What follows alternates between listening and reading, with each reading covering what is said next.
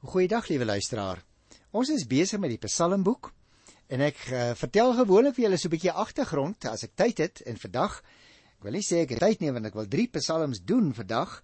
So die Here wil Psalm 32 tot 34, maar ek wil tog vir julle so 'n bietjie net nou ietsie vertel oor die sogenaamde skepingspsalms. Dis baie interessant. Psalm 32 is 'n redelik goeie voorbeeld van 'n boetepsalm Ek sal dit nou nou behandel en dan Psalm 34 waarmee ons gaan afsluit is weer 'n voorbeeld van 'n persoonlike danklied. Nou beide oor die boete psalms en die dankliedere het ek al vir julle iets gesê. Ek kan onthou spesifiek verlede program het ek so bietjie oor 'n danklied gepraat. En dan het ons ook al sekere van die sogenaamde skepingspsalms gedoen, maar ek het nog nie vir julle in detail so bietjie vertel van die aard van skepingspsalms nie. So ek gaan vandag 'n bietjie daarby stil staan. Maar kom ons begin dan ook eers met Psalm 32. Ek het vir jou gesê nou net uh toe ons die program begin het, dit is 'n voorbeeld van 'n boetepsalm. Toe ek jou van hulle vertel het, het ek jou uh, miskien daaraan herinner dat daar sewe boetepsalms is. Dit is Psalms 6, 32 wat ek nou gaan behandel, 38, 51, 102 en 103 en ook 143. Nou hierdie boetepsalm spesifiek Psalm 32 is 'n danklied van iemand wie se sonde vergewe is. Dit gaan nou goed met hom juis omdat die sonde sy greep op hierdie man se lewe verloor het. Eintlik wil ek vir jou sê luisteraar is baie baie goed as 'n mens Psalm 32 net na Psalm 51 sou lees. Juis omdat dit uiting gee aan die vreugde wat vergifnis meebring. En as jy 'n behoefte het om 'n slaggie daardie vryheid en die vrymaking wat die Here Jesus vir jou verwerf het en nou beleef jy dit nadat jy skuldbeleidings gedoen het. As jy dit weer 'n keer wil belewe, ek wil jou uitnooi. Jy ken mos nou al die beeld wat ek dikwels gebruik by die psalms om te sê jy kan 'n psalm aantrek vir elke moontlike emosie wat jy beleef het. So miskien het jy ook die behoefte om sommer in groot vreugde vir die Here dankie te sê uh, met hierdie boetelied, dan kan jy Psalm 32 aantrek soos 'n jas. Dit hardop lees, voordra aan die Here en sê Here, dit verklank nou wat ek hier binne kan voel. Die Psalm herinner mens juis aan die vergifnis wat Dawid van die Here ontvang het. Gaan kyk die geskiedenis as jy wil in 2 Samuel 12. Dit is dus 'n boetepsalm waar die skrywer sy sonde voor God bely en terselfdertyd word dit ook van tyd tot tyd ingedeel as 'n wysheidspsalm want ek het ook al vir jou gesê ons deel dit in in verskillende kategorieë maar sommige van die psalms soos hierdie een is dan 'n goeie voorbeeld wat jy in meer as een kategorie indeel. 32 dan is of 'n boetepsalm of 'n voorbeeld van 'n wysheidspsalm Kom ek lees die eerste 7 versies en dan gesels ons 'n bietjie daaroor. Ek gaan nie vandag in baie groot detail nie. Ek gaan liewer vir jou 'n oorsig daarvan gee. Goed, kom ek lees die eerste vers 1 tot 7. Dit gaan goed met die mens wie se oortredings nie gestraf word nie, wie se sonde vergewe word. Dit gaan goed met die mens vir wie die Here die oortreding nie toereken nie en in wie se gees daar geen valsheid is nie. Toe ek oor my sonde geswyg het, het my liggaam uitgeteer soos ek heeldag om hulp geroep het. U hand het dag en nag swaar op my gedruk. My krag het opgedroog, soos water in somerhitte. Toe het ek my sonde bely, my oortredings nie weggesteek nie. Ek het gesê: "Voor die Here bely ek my opstandigheid, en U het my skuld vergewe." Dit is waarom elke gelowige in 'n tyd van nood tot U bid. Selfs vloedwaters sal hom nie skielik oorval nie. U is vir my 'n skuilplek. U beskerm my teen aanvalle. U laat my oorwinningsliedere sing. Jy sien, hoewel dit dus een van die boetepsalms is, kan dit ook beskou word, het ek net nou vir jou gesê, as 'n wysheidsgedeelte of selfs as 'n stuk danklied van iemand wie se sonde vergewe is. Hy het die greep van die sonde op sy lewe ervaar, maar hy het ook ondervind dat sy sonde vergewe is. En daarom sê hy in in die eerste vers daarom gaan dit nou goed met hom. Wie sy sonde probeer wegsteek liewe luisteraar is natuurlik vals. Dit blyk ook uit vers 2c met hom gaan dit sleg as jy jou sonde wil wegsteek liewe luisteraar sal dit met jou begin sleg gaan waarskynlik want dan word so 'n persoon se gees ja sy lewensmoontlikheid die bron van al sy aktiwiteite verdeeld Hy lewe asof hy nie sonde het nie en tog weet hy dat dit nie waar is nie. Daarom kwyn hy weg soos vers 5 sê totdat hy sy opstandigheid voor die Here bely. Soos die Palestynse droë somerhitte water vinnig laat verdamp en verdwyn, so dit met die bidder se lewenskrag gegaan sê hy. Deur eie innerlike onrus het hy weggeteer vers 4b totdat hy sy sonde bely het vers 5. Toe eers is hy van sy sonde bevry. En hierdie verlossing uit die greep van die sonde, die mens seker die mense magtigste vyand, dink ek, verseker hom dat God hom ook van enige ander vyand sal bevry. En daarom sê sê hy in vers 7 se einde, daarom kan hy oorwinningsliedere sing. Nou dit is min of meer die strekking van die eerste 7 verse. Kom ons lees vers 8 tot by vers 10. Ek wil jou onderrig en jou die pad leer wat jy moet volg. Ek wil jou raad gee en my oog oor jou hou. Moenie onverstandig wees nie soos 'n perd of 'n muil wat met 'n stang in die bek betuil moet word as jy hom wil lei. Die goddelose het baie smarte, maar wie op die Here vertrou, die omvou hy met liefde. Is dit nie pragtig nie? Kom ons gesels oor hierdie 8 tot by vers 10. Want jy sien hier in hierdie verse sê die digter dat sommige mense so hardkoppig soos muile is. Hulle weier dood eenvoudig om die Here se leiding te aanvaar en daarom moet die Here hulle voortdurend dissiplineer en beheer. Met ander woorde soos 'n muil met 'n stang beheer moet word. Anders is hulle doodgewoon nie bruikbaar vir die Here nie. Hy wil ons graag met liefde lei, liewe luisteraar, nie met straf nie. Hy beloof ook om ons op die heel beste pad te lei. Aanvaar dus die raad wat die Here se woord vir jou en vir my gee. Dan sal dit nie vir hom nodig wees om vir jou vir my te dwing om bruikbaar te word nie. Die bidder sê hy het sy les geleer, hoor. Hy kan dit nou nie vir homself meer hou nie en daarom deel hy dit met die gemeente. Mens uh, kry dieselfde gedagte ook net nou in die 11de vers as ek daarby kom sal ek dit onderstreep.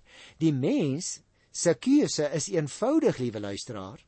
Jy en ek kan kies of sonde en smarte of geloof en die Here se vergifnis. Daarom moet ons ons sondes bely. En as hierdie Psalm vandag tot jou spreek deur die werking van die Heilige Gees, liewe luisteraar, dan wil ek jou vra om jou sonde te bely. Jy sal nooit regtig vry word volgens die Bybel as jy nie belydenis van sonde doen nie. En hierdie bidder sê in hierdie verse 8 tot 10 dat hy sy les baie goed geleer het. En hy hy kan dit as dit ware nie meer vir homself hou nie. Hy sê die mense keuse is eenvoudig. En daardie eenvoudige keuse moet jy en ek ook uitoefen. Of sonde en smarte soos hy dit hier noem, of geloof en soos hy dit hier noem, omvou met God se liefde. Mag ek vir jou die Here se liefde aanbied in sy naam. Ook hier oor die lig vandag uit die woord van die Here. Luister na die 11de vers, dis die laaste vers van Psalm 32. Verbly julle in die Here en juig regverdiges, jubel alle opregtes. Jy sien reeds in hierdie lewe mag jy en ek wat met God se liefde omvou is, bly wees en mag ons jubel. Ag, liewe luisteraar, as jy 'n ou donker genis is, los tog jou donker geestigheid. Jubel oor die verlossing waarmee God jou verlos het en jou vrygemaak het. Ek het gesê ons het hier 'n voorbeeld van 'n boetepsalm wat dan eintlik uiteindelik oorgaan tot 'n oproep om ons te verbly oor die vrymaking van die dinge wat ons bind. Ons gaan net nou kom by Psalm 34. En daarvan het ek reeds vir jou gesê dat dit 'n psalm is wat eintlik 'n persoonlike danklied is. Maar nou wil ek graag vandag 'n bietjie meer aandag wy aan die skepingspsalms, want Psalm 33 wat ek dan nou nou sal behandel, is 'n goeie voorbeeld van 'n skepingspsalm. Nou liewe luisteraar, daar's 'n hele paar pragtige skepingspsalms. Byvoorbeeld Psalm 19, 29, 33 wat ek nou nog gaan behandel, 65, 74, 104 en nog so 2 of 3 ander. Nou, as jy twyfel oor God se vermoë om dinge te verander, of as jy in ekstase is oor die mooi dinge in die lewe, lees gerus een van hierdie skepingspsalms. Maar nou mag jy vra, wat maak nou hierdie skepingspsalms dan so uniek? Jy sien liewe luisteraar met die intog in die beloofde land is Israel natuurlik onmiddellik met die groot gevestigde landbougodsdiens van die Kanaaniete gekonfronteer. Nou in hulle godsdiens het die natuurprosesse baie sentraal gestaan en daarmee natuurlik ook saam die skepping in die middelpunt van hulle lewe. In die Israelitiese geloof aan die ander kant het dit net om die Here gegaan. Maar hier kom hulle nou in Kanaan in aanraking. Ek wil amper vir jou sê met die geloof in 'n pantheon, 'n veelgodedom. El is die hoofgod van hierdie natuuraanbidding wat dan deur 'n magdom ondergeskikte kompeterende en vegtende gode bygestaan word. Baal, die god van vrugbaarheid. Moot, die god van die dood. Jam, die god van die see. En so is daar 'n hele klomp van hulle. Nou natuurlik, die arme mense van daardie tyd in die uh, periode van die Ou Testament was uitgelewer aan die grille en die giere van die gode. Hulle gebede om reën, hulle offers vir vrugbaarheid, hulle uitspattige landboufeeste en hulle vrees vir hemelliggame byvoorbeeld soos die maan en die sterre kon die gode egter nie beantwoord of besweer nie. Die Kanaanitiese godsdiens het Israel se geloof in die krisis laat beland, want hier kom die Israeliete nou te maak, hulle te monoteïsme, met ander woorde, 'n een God godsdiens. En hierdie mense het te veel godedom. En hierdie soort skepingsgeloof het dan gedraai om die natuur en om vrugbaarheid, wat 'n vergoddeliking van die natuur tot gevolg gehad het. Dit sou natuurlik baie lank duur voordat Israel iets positiefs in die natuur en daarmee in die skepping kon ontdek. Eers teen die helfte van die 9de eeu voor Christus met Elia se optrede teen die Kanaaniete en die Kanaanitiese invloed het 'n skepper geloof by Israel begin ontwaak. Jy sien, as Kanaanitiese hoofgod was El die skepper van die aarde en alle skepsele. Hulle het hom genoem die lankmoedige, die genadige, die wyse, die ewige God. Baal daarenteen was 'n jong, energieke God wat lewe gegee het en dit ook beheer het. Hy was die God van die seisoene en van vrugbaarheid. Hy was die magtige stryder en die kruisman, die heerser en die regter van die mense, die een wat op die wolke ry soos 'n dapper held en wat reën gee en mos en olie en vlas en graan. Dit kom alles uit die hand van Baal. Hy was dus inderdaad in beheer van El se skepping in ooreenstemming met die betekenis van sy van sy naam. Want die naam Baal beteken meester of baas van die skepping. En nou moet jy onthou, die Israelitiese boere is met hierdie geloofsopvatting van hulle Kanaanitiese bure gekonfronteer. Elia die Tisbiet, sal jy onthou, wat self 'n plattelander was, hy noem homself 'n bywoner in 1 Konings 17 by die eerste vers, vir wie die natuur en die skepping ook van lewensbelang was. Het die diep gevoelde behoefte aan 'n skeppergeloof begin verwoord, juis deur sy optrede daar op die berg Karmel langs die Middellandse See, waar aan die Here dieselfde eienskappe as die van Baal toegeken is die Here vervang Baal. Hy maak hom 'n natuurverskynsels soos donder en weerlig bekend, hy wat die Here is. Hy gee die reën en die wind, Psalm 29 byvoorbeeld, en hy word soos Baal die wolkreier genoem soms. Gaan kyk maar in Psalm 68 vers 5 en 'n mens kry dit ook die gedagte van die Here wat die wat die wolke ry soos 'n dapper held. Nie die nie Baal nie, maar die Here. Psalm 104 vers 3 en 4 sal jy dit ook kry. Die Here gee dus die vrugbaarheid aan die kudde en aan die land. En daarmee gee die Here natuurlik ook die reën en die mos en die olie en die vlas en die graan. Gaan kyk maar hoe Hosea Hosea 2 vers 4 vers 7. En soos El is die Here die skepper van die wêreld, maar dan hy's die enigste skepper van die wêreld. Hy word dan ook genoem die lankmoedige en die genadige God. Gaan kyk maar in Eksodus 34 vers 6. Ja, hy is bekleed met koninklike waardigheid, nie Baal nie. En hy sorg soos 'n vader vir sy skepping. En so, liewe luisteraars, het die Here mettertyd in die gedagte ook van die Israeliete wat die Baals begin dien het, die Kanaanitiese gode begin verdring en hulle funksies oorgeneem in die denke van die Israeliete van destyds. Die onderlinge verhouding dus tussen die gode moes plek maak vir die verbondsverhouding tussen die Here en sy volk.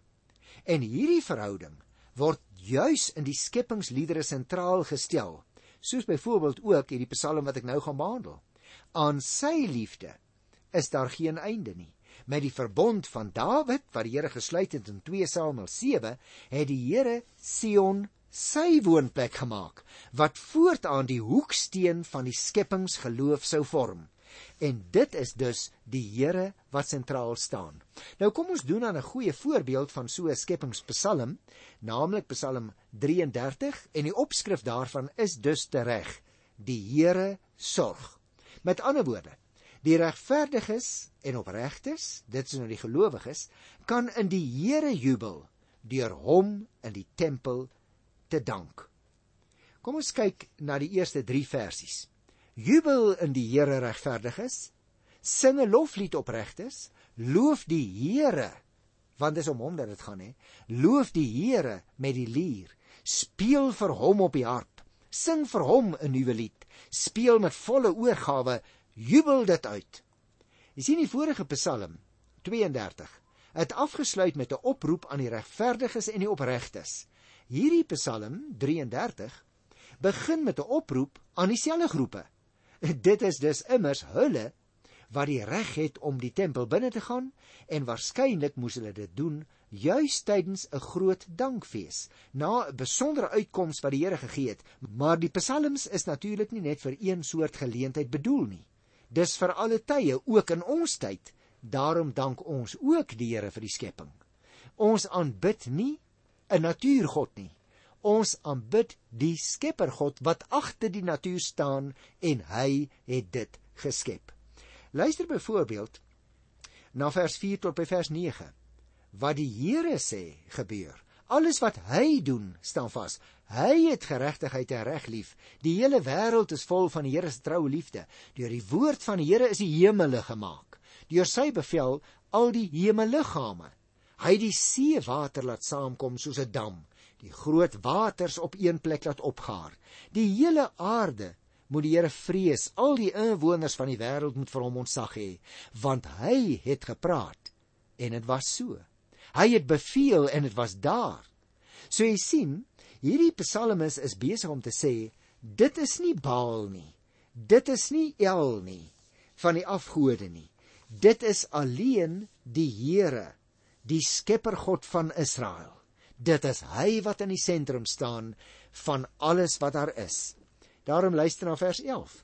Die Here verydel die planne van die nasies. Hy laat hulle besluite op niks uitloop, maar die planne van die Here staan vir altyd vas. Sy besluite van geslag tot geslag. So jy sien, liewe luisteraar, Psalm 33 staan dus direk teenoor die skepingsliedere van die Baalkultus. Dit is nie Baal wat skep en die natuur beheer nie, dit is die Here self. U kan die res van Psalm 33 lees, dan sal jy dit baie goed uh, verder geillustreer sien. Ek wil graag afsluit met die laaste 3 versies van Psalm 33 voordat ek oorgaan na 'n volgende Psalm. Ons vertrou op die Here. Hy is ons hulp en ons beskermer. Ja, In hom is ons harte bly, op sy heilige naam vertrou ons. Hou u liefde oor ons, Here, want ons stel ons vertroue in u. Dit is dus baie belangrik, liewe luisteraar, dat ons sal opmerk, dit is die Here wat sentraal staan. Nou goed, liewe luisteraar, ek het gesê ons gaan 3 psalms doen meer tyd vandag spandeer aan 'n Skepingspsalm 33 en ek wil graag kortliks deurgaan uh, na Psalm 34 en ek gaan dit nie in detail vandag behandel nie. Uh, jy kan dit ook in die Bybel lees. Ek sal altyd bly wees as jy dit doen. Psalm 34 het ek by die inleiding van vandag se program vir jou gesê is 'n voorbeeld, goeie voorbeeld van 'n persoonlike danklied. En daarom is die opskrif in die Bybel ook: Die Here is naby want jy sien die Here is mos naby die gelowige. Die Here beloof naamlik luisteraars dat sy kinders ryklik geseën sal word, maar aan baie van hierdie seëninge is daar ook voorwaardes gekoppel in die Bybel. Kom ons kry 'n voorbeeld in Psalm 34. 'n Lied van Dawid. Hy het hom kranksinnig gehou voor Abimelek. Die het hom weggejaag en hy het pad gegee. So hier het ons onmiddellik die konteks waarin Psalm 34 ontstaan het, naamlik 1 Samuel 21 daarvan die 12de versie af. Luister vers 2 tot 5. Ek sal die Here altyd weer prys. Sy lof sal altyd op my lippe wees. Ek sal die roem van die Here sing. Die wat swaar kry, sal dit hoor en daaroor bly wees. Sing saam met my oor die grootheid van die Here en laat ons sy naam prys. Ek het die Here aangeroep en hy het my geantwoord. Hy het my gered uit alle doodsgevare. Met ander woorde, die digter is self 'n ellendige wat swaar gekry het. Vers 7. Gaan ons dit ook sien. En nou roep hy almal wat swaar kry om saam met hom die Here te loof en te prys, want die Here het sy gebed verhoor volgens vers 5. As jy na ons program luister en jy kry swaar, wil ek jou oproep en vra. Trek Psalm 34 aan soos 'n jas. Sing hierdie lied as jy swaar kry. Roep tot die Here. Want dit is 'n voorbeeld van 'n persoonlike danklied. Kom ons kyk na vers 12 tot by vers 15. Daar word nou gepraat met die kinders. Hy sê: "Kom kinders, luister na my. Ek wil julle leer hoe om die Here te dien. As iemand die Here liefhet en 'n lang lewe begeer om die goeie te geniet, moet hy sy tong weerhou van kwaad praat en sy lippe van leuns. Bly weg van die kwaad af en doen wat goed is. Soek vrede en jaag dit na." Jy sien ook die kinders en die jong mense word nou betrek by die vreugde van die verlosters. Die digter rig nou verskillende vermaaninge hier in vers 12 tot by vers 15 tot die jong mense en die kinders. Jy kan gerus daarna kyk vir jouself vra of jy nog die Here dank vir hierdie wonderlike verlossing wat hy ook vir jou gegee het. Ek wil graag dan afsluit met die laaste gedeelte van Psalm 34 vir vandag. Kom ons lees dit eers en dan praat ons 'n bietjie met mekaar daaroor. Die Here sorg vir die regverdiges en luister na hulle hulpgeroep. Daarom tussen hakies luisteraars kan julle verstaan hoekom Psalm 34 'n voorbeeld is van 'n persoonlike danklied. Want omdat die Here luister na die noodroep van die verlosters en hulle help, daarom kan ons hom loof en dankie sê. Vers 17 maar die Here tree op teen die wat kwaad doen en vee selfs die herinnering aan hulle van die aarde af weg. As die regverdiges om hulp roep, hoor die Here hulle en red hulle uit hulle benoudheid. Die Here is naby die gebrokenes, hy help die moedeloses. Al word die regverdige ook deur hoeveel rampe getref, die Here red hom uit almal. Die Here sorg vir die hele liggaam van die regverdige geen been word gebreek nie. Die kwaad wat die goddelose doen, bewerk sy eie ondergang. Vir sy vyandskap teen die regverdige sal hy boet. Die Here maak sy dienaars vry. Wie by hom skuil, sal nie as skuldige behandel word nie. Nou as 'n mens so hierdie laaste verse van Psalm 34 lees, liewe luisteraar, dan merk jy op dat uh, hier gesê word hoe dat die bidder die Here kan aanroep en die een wat die Here aanroep word verhoor en word gehelp. Die Here straf egter daarteenoor diegene wat kwaad doen. Nou baie interessant en daarmee wil ek afsluit. By die Here Jesus se kruisiging word juis uit hierdie verse aangehaal. Want jy sien luisteraar, hoewel dit die Romeine se gebruik was om die bene van die tereggesteldes te breek en so hulle dood te verhaas, is nie een van Jesus se bene gebreek nie. Jy kan dit gerus naslaan as jy nou nie glo wat ek jou sê nie in Johannes 19 vers 32 en ook by vers 37. Met ander woorde, hierdie Psalm is 'n beroep op God se beskerming in 'n krisistyd. Ook in daardie krisistyd toe die Here Jesus aan die kruis gehang het, het hy tot sy Vader geroep en weet jy wat? Sy Vader het gesorg dat nie een van sy bene gebreek is nie. Wonderlik. Wonderlik die waarhede van die woord vir elke dag waarin ons ook lewe. Ek groet jou in die naam van hierdie wonderlike God wat aan sy woord en die beloftes daarin getrou bly. Tot volgende keer. Totsiens.